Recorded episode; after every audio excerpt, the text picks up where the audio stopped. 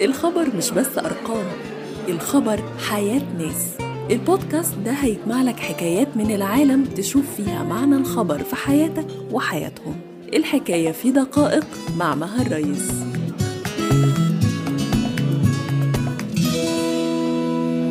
بودكاست دقائق. خبر وفاة قضية المحكمة العليا في الولايات المتحدة روث بيدر جينسبرج هز الوسط السياسي الأمريكي في وقت حساس جدا بسبب الانتخابات الرئاسية هناك. أولا المنصب ده واحد من أعلى مناصب القضاة في أمريكا وفي العالم. لكن يا ترى هل ده سبب كافي إن الناس تعتبرها شخصية ملهمة؟ وعملت إيه علشان يلقبوها بعملاقة القانون ورسولة العدالة؟ تعالوا نعرف السبب في الحكاية في دقائق.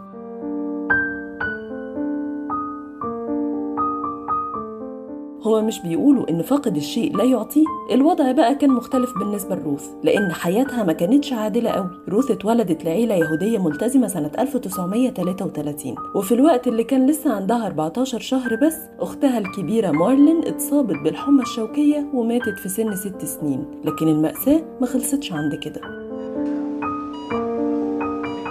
والدة روث اتشخصت بالسرطان لما روث كانت بتبتدي المرحلة الثانوية. لكن المرض هزم والدتها وتوفت قبل أيام بس من حفلة تخرج روث واللي بسبب الحزن ما قدرتش تحضرها. وبالرغم من معاناتها من فقد أختها وأمها ما كانتش مهملة دراسيا لكن بالعكس تماما.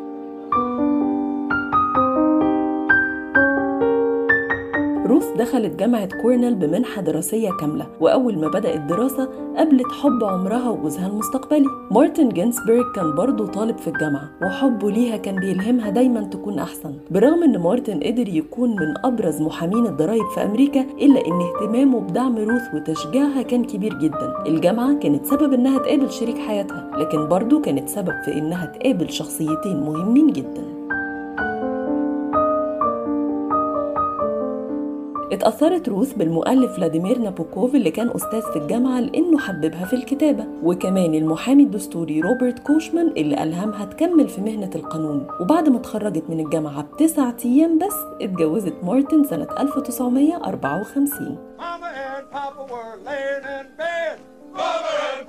روث وجوزها وبنتهم اتنقلوا كذا مرة جوه أمريكا بسبب التحاق مارتن بالجيش الأمريكي. لكن ده ما منعهاش إنها تبدأ دراسة القانون في جامعة هارفارد. وفي نفس الوقت تشتغل في هيئة تحرير مجلة Harvard Law Review واللي بالمناسبة كانت أول امرأة تعمل كده. لحد ما السرطان قرر يدخل حياتها تاني. جوزها مارتن اتشخص بمرض سرطان الخصية لكن بعد ما تعافى منه اتنقلوا نيويورك وكملت دراستها في جامعة كولومبيا واتخرجت كمان الأولى على دفعتها سنة 59 بس مؤهلاتها العلمية دي كلها ما ساعدتهاش واضطرت تكافح عشان تشتغل في المحاماة لمجرد إنها ست وفي رقبتها بنت.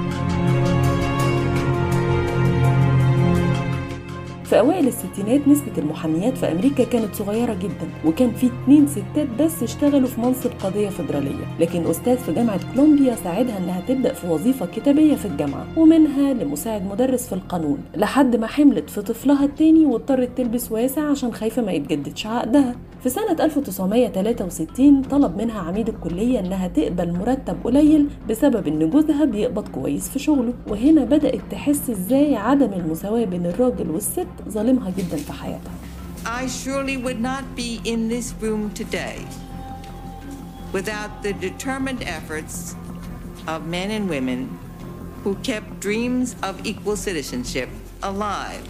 اتطلب منها في أوائل السبعينات تساعد في حكمين في قانون الضرائب الفيدرالي. واحد ليه علاقة بقانون بيحرم الرجالة العزاب من الخصم الضريبي من مرتباتهم علشان بيعيلوا أطفال لوحدهم. والتاني بيدي امتياز للرجالة عن الستات في حق إدارة التركة اللي مات صاحبها من غير وصية. ومن ساعتها ساهمت في أول تعديل قانوني بهدف المساواة بين الجنسين وألفت كتب ومقالات أكاديمية كتير عن نفس القضية.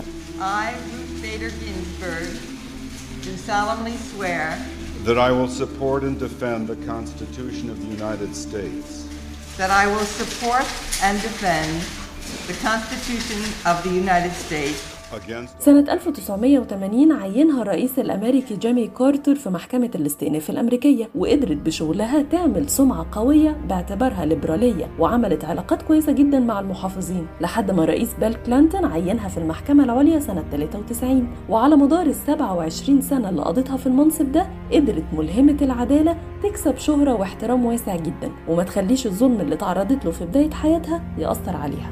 I will hold this office as long as I can do the job full steam.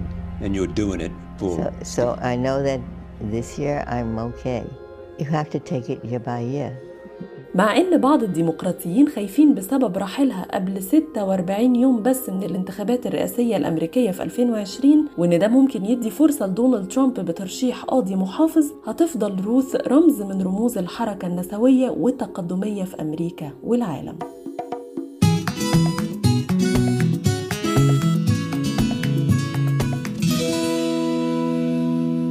بودكاست دقائق.